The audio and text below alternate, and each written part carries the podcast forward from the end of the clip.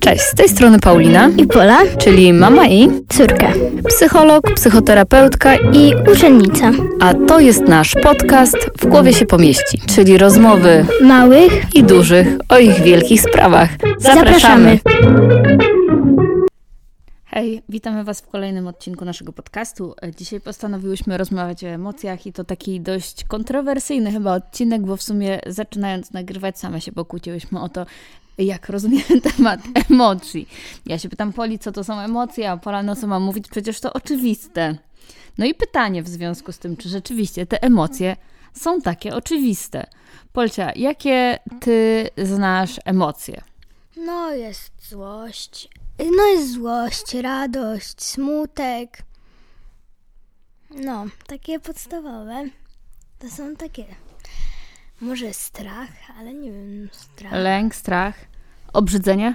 Też. Zazdrość? Tak. Zawiść? No. Mm, napięcie? No jest też. E, obawa? No. Ekscytacja, podniecenie?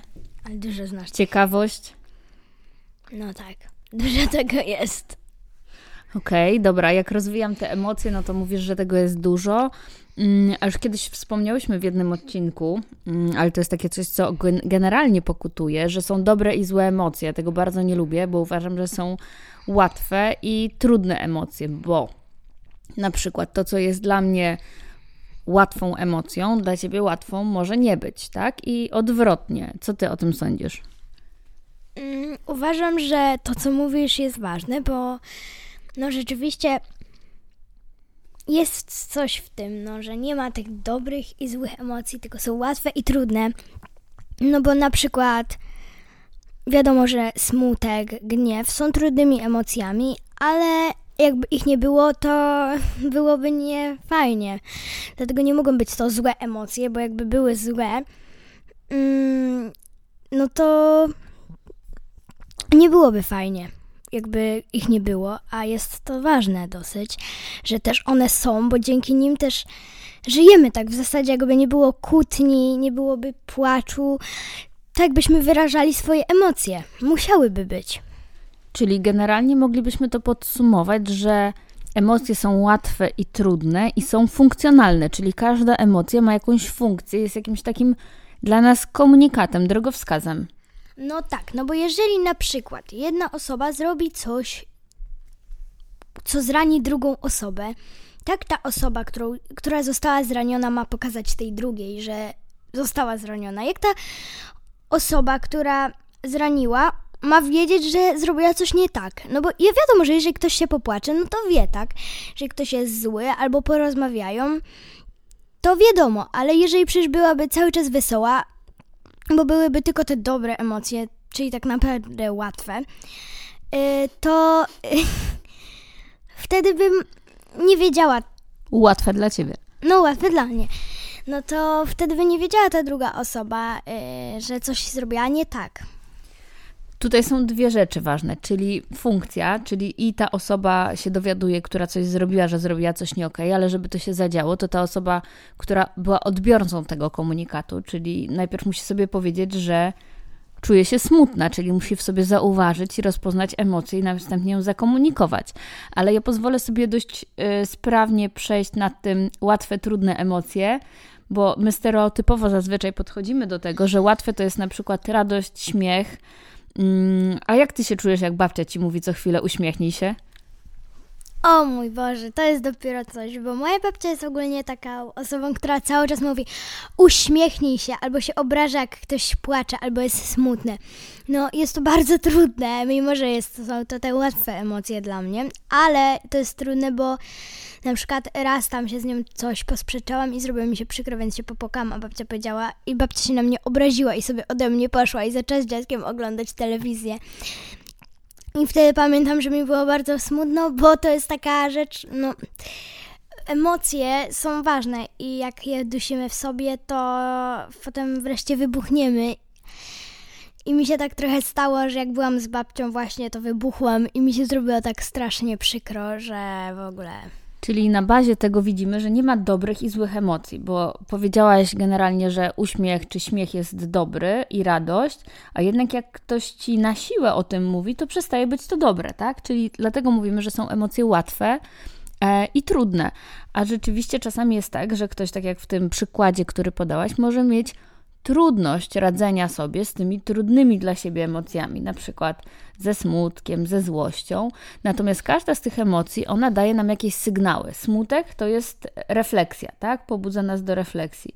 Radość sprawia, że jesteśmy szczęśliwi. Chodź tutaj bliżej. Sprawia, że jesteśmy szczęśliwi. Sprawia, że jesteśmy szczęśliwi, że potrafimy się cieszyć małymi rzeczami, dostrzegać, ale też uczy nas wdzięczności, i doceniania tego, co mamy, co? Czyli no. daje taką y, moc. No ja i też jak się właśnie cieszymy, no to tej drugiej osobie też to sprawia przyjemność, tak, jeżeli coś zrobił dla nas, coś nam dał, coś my mogliśmy dać i się z tego cieszymy, no to ta druga osoba również się cieszy. Zazwyczaj tak jest, bo cieszy się, że osoba bliska, czy przyjaciel, czy ktoś się cieszy. Czyli może być zaraźliwa. Tak, no. Dobra, a na przykład jaką funkcję może mieć złość? No, złość na pewno też zaraża. tak samo jak każda emocja, tak trochę jest, że one tak zarażają jak ziewanie. Um, no, ale złość, no wiadomo, no, że jak ktoś jest zły, to nie jest łatwo. To jest taka też sytuacja, w której trzeba trochę się uspokoić, żeby móc y, rozwiązywać sytuację dalej.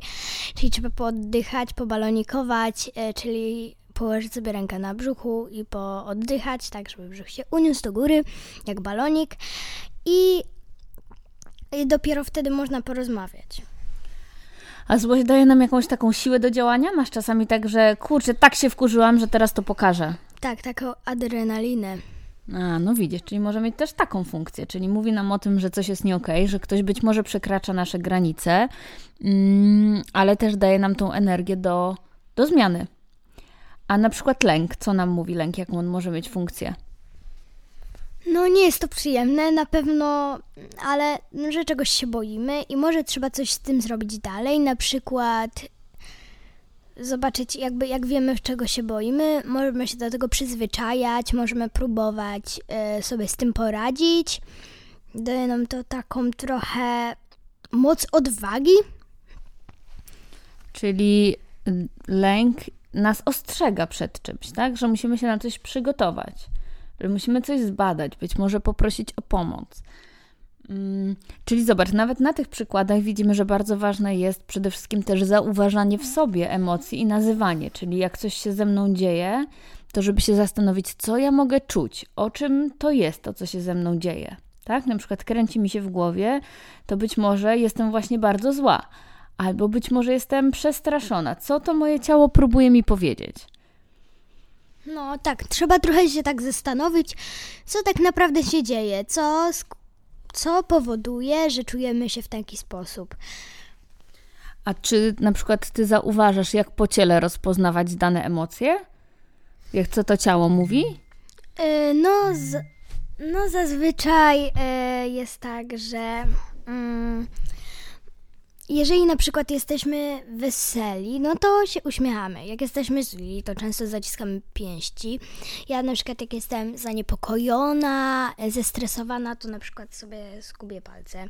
Tak jakby y, co, zwracam uwagę na przykład na rękach, czyli y, sobie ręce tak jakby pocieram, czy skubię jakoś tak dziwnie, albo na przykład jak mam jakiś pierścionek czy bransoletkę, to go zdejmuję, kręcę wokół palca, jakieś różne takie rzeczy. Y, jak na przykład no, także chyba tak. Po prostu nasze ciało pokazuje nam, co się tak dzieje. A oczy, oddech, coś tutaj? Jak jesteśmy przestraszeni, to potrafią nam się yy, źrenice powiększyć. Jak jesteśmy zakochani też. e, trzęsą się ręce, też często ciało, całe ciało, tak? Czyli nie tylko dłonia, nogi. E, jak jesteśmy na przykład zmęczeni, tak to trochę wyjdę, to też e, możemy się trzęść w środku.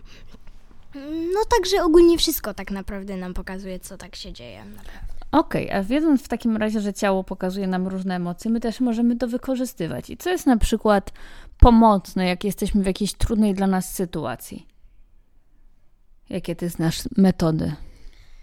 Mm, w trudnej sytuacji, no to ogólnie jak się boimy, jak jesteśmy źli, tak? O to chodzi? No, no też.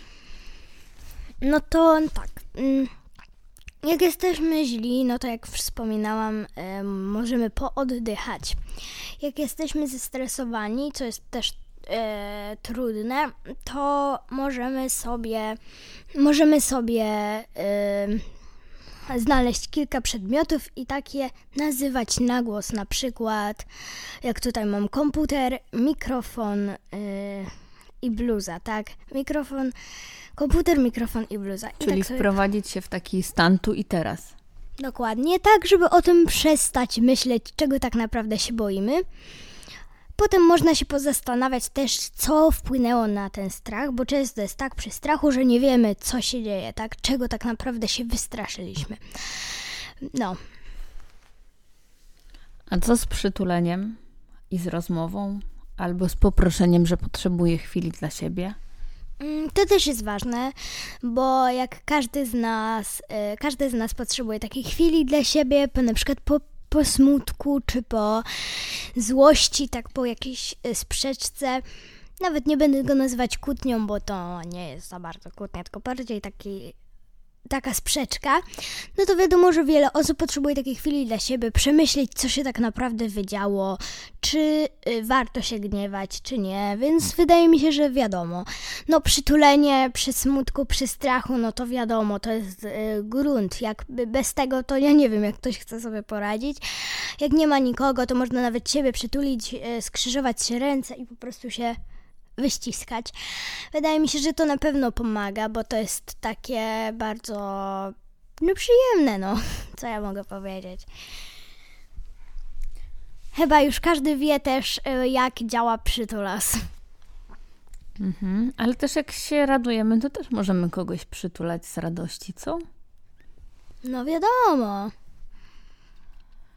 Okej, okay, ja mam takie wrażenie czasami, że mm, poprzez pewne utarte powiedzonka, które idą z pokolenia na pokolenie, my oduczamy dzieci i samych siebie też nazywania czy rozpoznawania emocji, które są nas, y, w nas, w środku. Czyli na przykład mówimy do dzieci, dziecko mówi, że już się najadło, Oczywiście mówimy o tym, że coś zjadło, a my mówimy nie, jedz, musisz zjeść, aż będzie czysty talerz, czyli oduczamy rozpoznawania sytości.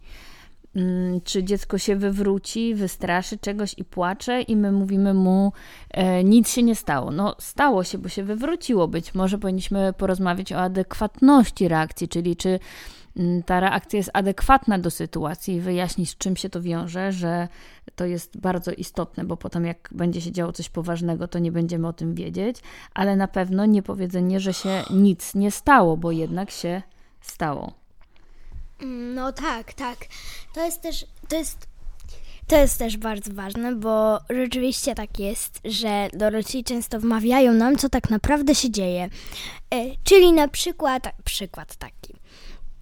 E, jest e, mi zimno, kiedy na przykład no nie wiem, często po prostu tak jest, że człowiek jest bardzo ciepło na dworze, a człowieku jest zimno, tak o sobie. No to mówię, jest mi zimno, a rodzic mówi, nie, nie jest ci zimno, bo przecież jest gorąco, tak? Mi jest przecież gorąco. No to to już nie może być zimno. To jest taki przykład. No ale rzeczywiście tak się dzieje i uważam, że warto zwrócić na to uwagę. I jeżeli tak ktoś robi, to... Yy, spróbować przestać, e, oduczać się powoli, tak w jakim stopniu da się to zrobić.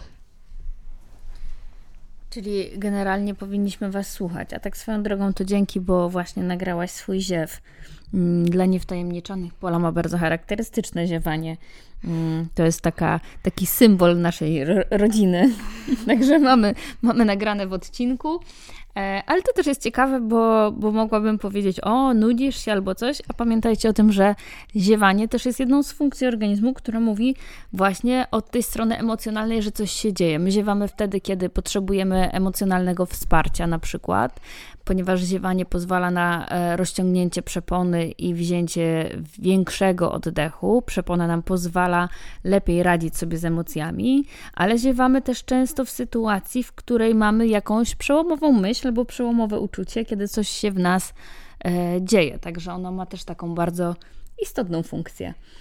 Mm, mm, a właśnie, chciałam jeszcze dopowiedzieć co do ziewania.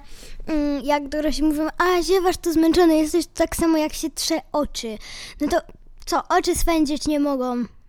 nie, jakby to jest, tak, to jest takie... O, widzę, że już śpiący, chodź spać, chodź spać, bo trzesz oczy.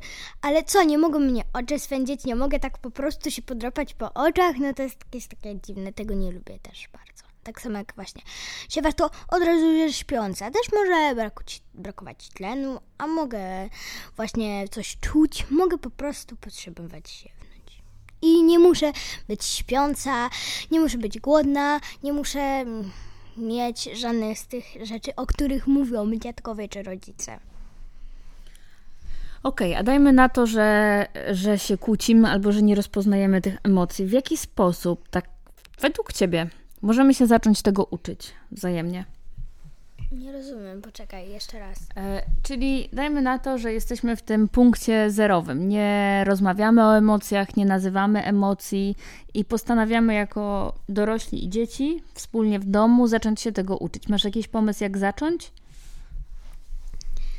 Och, wydaje mi się, że dobrym rozwiązaniem byłoby na przykład usiąść wszyscy przy stole, nawet przy obiedzie, przy kolacji czy przy przekąskach. I no jak wspominałyśmy już na pewno nie raz w tym podcaście, no najważniejsza jest rozmowa. Porozmawiać, co tak naprawdę chcemy osiągnąć. Yy, jakby żeby te emocje wiadomo były zauważalne. Trzeba po prostu usiąść, porozmawiać, tak w jakim stopniu też chcemy to zrobić żeby to też nie było takie. Mm, że każdy po prostu się stara bez rozmowy, na ile w jakich też momentach, no bo niektórzy mają problem e, w takich emocjach, niektórzy w takich, a niektórzy we wszystkich. Więc wydaje mi się, że po prostu najważniejszym pierwszym krokiem jest ta rozmowa i po prostu potem możemy się starać, ale żebyśmy najpierw porozmawiali, co tak naprawdę chcemy osiągnąć. Ja sobie pomyślałam o tym, że, że to może być bardzo trudne na początku, bo ten dorosły też może nie potrafić nazywać czy rozpoznawać emocji. Mm. Na rynku jest dużo książek, więc możemy się posiłkować książkami. Myślę, że my też w kolejnych odcinkach będziemy podpowiadać jakieś ćwiczenia. Książki może jakieś fajne, mhm. które na przykład mogą w tym pomóc też, albo po prostu też dla dzieci jakieś takie książki, w których można zobaczyć też siebie, o emocjach, jakieś takie ważne te, te książki, które rzeczywiście mogą w tym pomóc. E, I myślę, że tak na koniec, przed podsumowaniem, że ważne jest coś takiego jak akceptacja. Czyli i, I może to byłby ważny punkt wyjścia, że ja mogę zaakceptować to, że do tej pory nie skupiałam się na tym, co czuję, czy jak czuję, albo że potrafiłam zignorować to, co czuję na rzecz czegoś innego, zaakceptować to i pozwolić sobie iść dalej. Mhm. No dobra, to od tej strony dziecięco-dorosłej chyba tyle na dzisiaj, a ja pozwolę sobie jeszcze podsumować temat w tym podsumowaniu dla rodziców. A teraz podsumowanie dla rodziców i opiekunów. Słuchajcie, jeżeli chodzi o emocje, to to jest bardzo złożony temat i, i rzeczywiście jeden odcinek podcastu to nie wystarczy dzisiaj, tylko zaczęłyśmy. To, co z mojej perspektywy jest bardzo istotne, to jest to właśnie, że nie ma dobrych i złych emocji, a mamy emocje, które są łatwiejsze i emocje, które są trudniejsze i przede wszystkim, że emocje to są takie komunikaty dla nas. One próbują nam coś powiedzieć, spełniają jakąś funkcję. I stąd tak istotne, żebyśmy nauczyli się je rozpoznawać, bo wtedy będziemy wiedzieć, co dalej zrobić. często jest tak, że jeżeli coś jest, jakaś sytuacja jest dla nas bardzo trudno obciążająca, my próbujemy zatuszować te emocje, bo dzięki temu nie musimy podejmować działania. I dopiero jak sobie nazwiemy, że to nas rani, e, że e, czujemy lęk, czy czujemy strach, to dopiero wtedy odkrywamy, że coś potrzebujemy z tym zrobić. A czasami też taka emocja trudna, która powoduje, że wolimy coś zatuszować, to jest na przykład poczucie winy albo poczucie wstydu. E, ale pamiętajmy o tym, że mamy jeszcze takie magiczne słowo jak przepraszam, którego możemy używać. Jeżeli chodzi o rozpoczęcie w ogóle tej przygody z emocjami, z dziećmi, to Przede wszystkim jest bardzo dużo literatury. Jest taka książka, którą ja się, ja się śmieję, że z jednej strony jest dla dzieci, ale równie dobrze może być też książką dla dorosłych, dla dorosłych czyli uczuciometr detektywa pozytywki, e, gdzie mamy takie koło emocji podstawowe e, i na skali sobie oceniamy, którą emocję gdzie, gdzie mamy.